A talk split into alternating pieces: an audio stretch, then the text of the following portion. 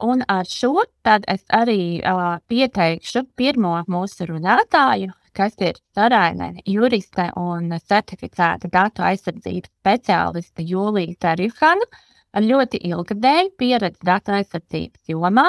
Jūlija arī vada apmācības datu aizsardzības jomā, ir apgūsta šo jomu padziļināti maģistratūrā un šobrīd arī studē Latvijas Universitātes doktorantūrā par tādu ļoti interesantu un nākotnē svarīgu tēmu kā mākslīgais intelekts.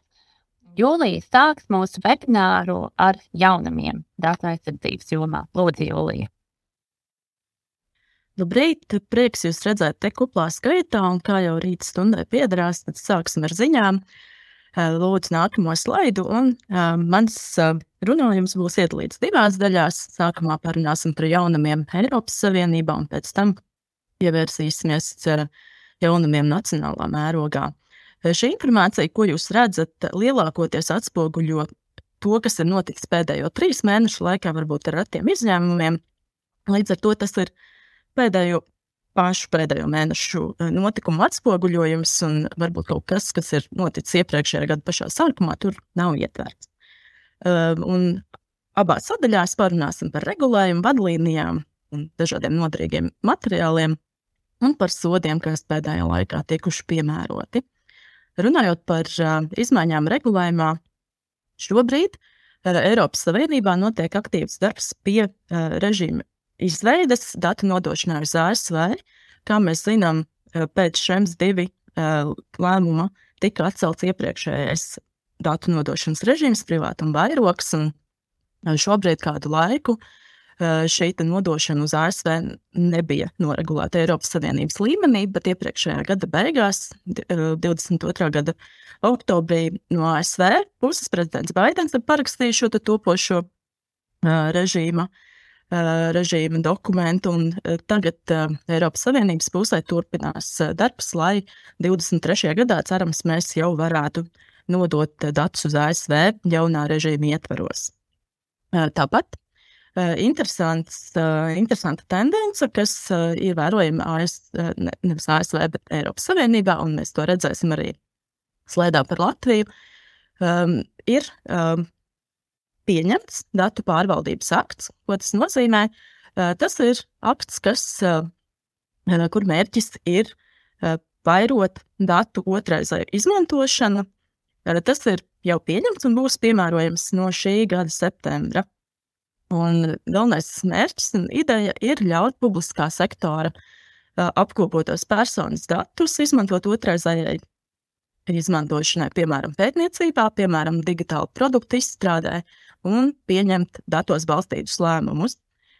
Tas nosaka, ko drīkst un ko nedrīkst darīt ar šiem datiem un uz kādiem noteikumiem valsts publiskās iestādes varētu dalīties ar savā rīcībā esošajiem datiem. Tāpat turpinās darbs pie privātuma regulas. Šobrīd ir spēkā jau vairāk nekā 20 gadus privātuma direktīva, un atceramies tajā laikā, kad stājās spēkā vispārīgā datu aizsardzības regula, jeb GDPR, tad bija runa, ka nu jau, nu jau drīz būs arī e-privātuma regula, kura tika atgriezta pārskatīšanai pašlaik. Darbs pie tās turpinās, nu jau ir sasniedzis to stadiju, kad notiek triloga sarunas Eiropas Savienībā. Līdz ar to mēs pietuvojamies tam laikam, kad e-privātuma regula varētu tikt pieņemta. Tā regulēs jautājums, kas saistīti ar sīkdatnēm, ar Eh, komerciāliem paziņojumiem ar saglabājumiem datiem. Līdz ar to eh, tas iedos vienotu rāmi Eiropas Savienībā un mazinās atšķirības starp dalību valstīm. Eh, pēdējos mēnešos Eiropas Datu aizsardzības komisija ir izdevusi arī vairākas vadlīnijas. Abas no šīm pieminētajām ir publiskotas, bet atrodas publiskajā apspriešanā. Tas nozīmē, tās vēl mazliet var mainīties. Eh, un viena no tām ir par paziņošanu par datu aizsardzības pārkāpumiem, kaut kādas jaunas nianses, kas um, precizē un paskaidro, kā būtu pareizi paziņot un kādos gadījumos par datu aizsardzības pārkāpumiem, un par vadošās datu aizsardzības uh, iestādes noteikšanu tām valstīm, uh, kurām ir pārstāvniecības vairākās Eiropas Savienības dalībvalstīs. Runājot par pēdējiem sodiem, abi šie sodi ir Metas, jeb Facebook uz, un Instagram īpašnieku uzņēmuma sodi.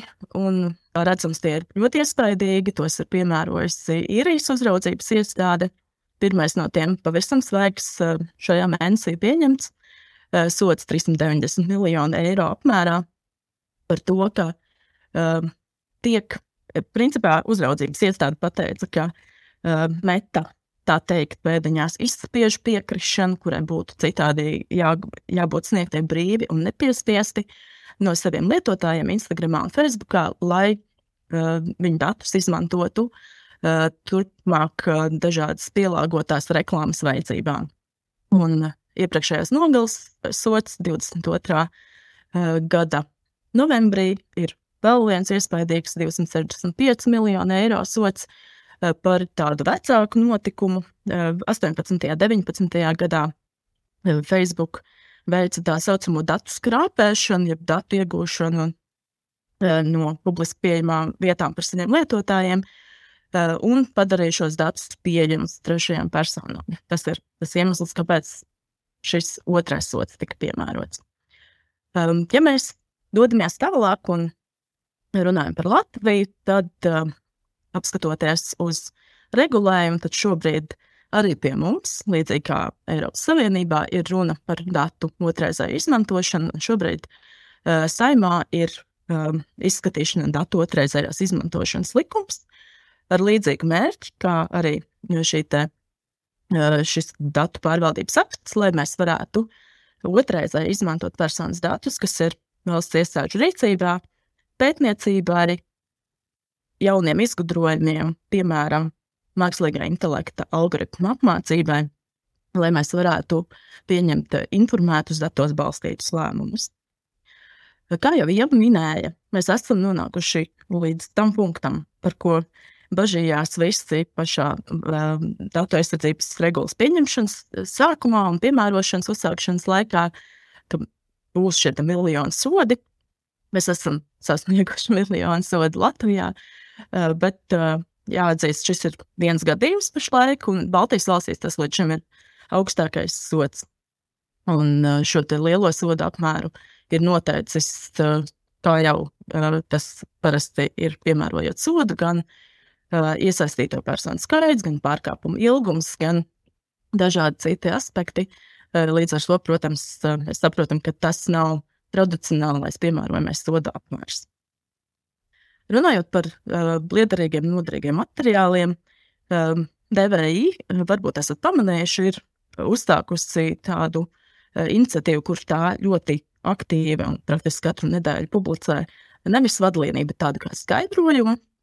Savā sadaļā DVI skaidro, un tur var ielūkoties un apskatīt arī vēl daudzus citus īsus, kodolīgus un vieglā valodā uzrakstītus skaidrojumus par dažādiem tematiem. Uh, Pēdējie no tiem ir par datu termiņu, datu glabāšanas termiņu noteikšanu, par darbinieku apmācību nozīmi un par īpašo kategoriju datu apstrādi. Kā arī ir jāpiebilst, ka šīs datu aizsardzības dienas ieskaņā burtiski pirms nedēļas, pagājušā nedēļa Latvijas inspekcija arī organizēja webināru, un tas ir pieejams tiešsaistē, ja jums ir pēc, arī pēc mūsu webināra vēlme vēl kaut ko paklausīties un patiešo no uzraudzības iestādes tā, rokām, tad šī ir lieliski iespēja doties un paskatīties YouTube webināru ierakstu. No manas puses tas viss. Palaidu atpakaļ pie jums.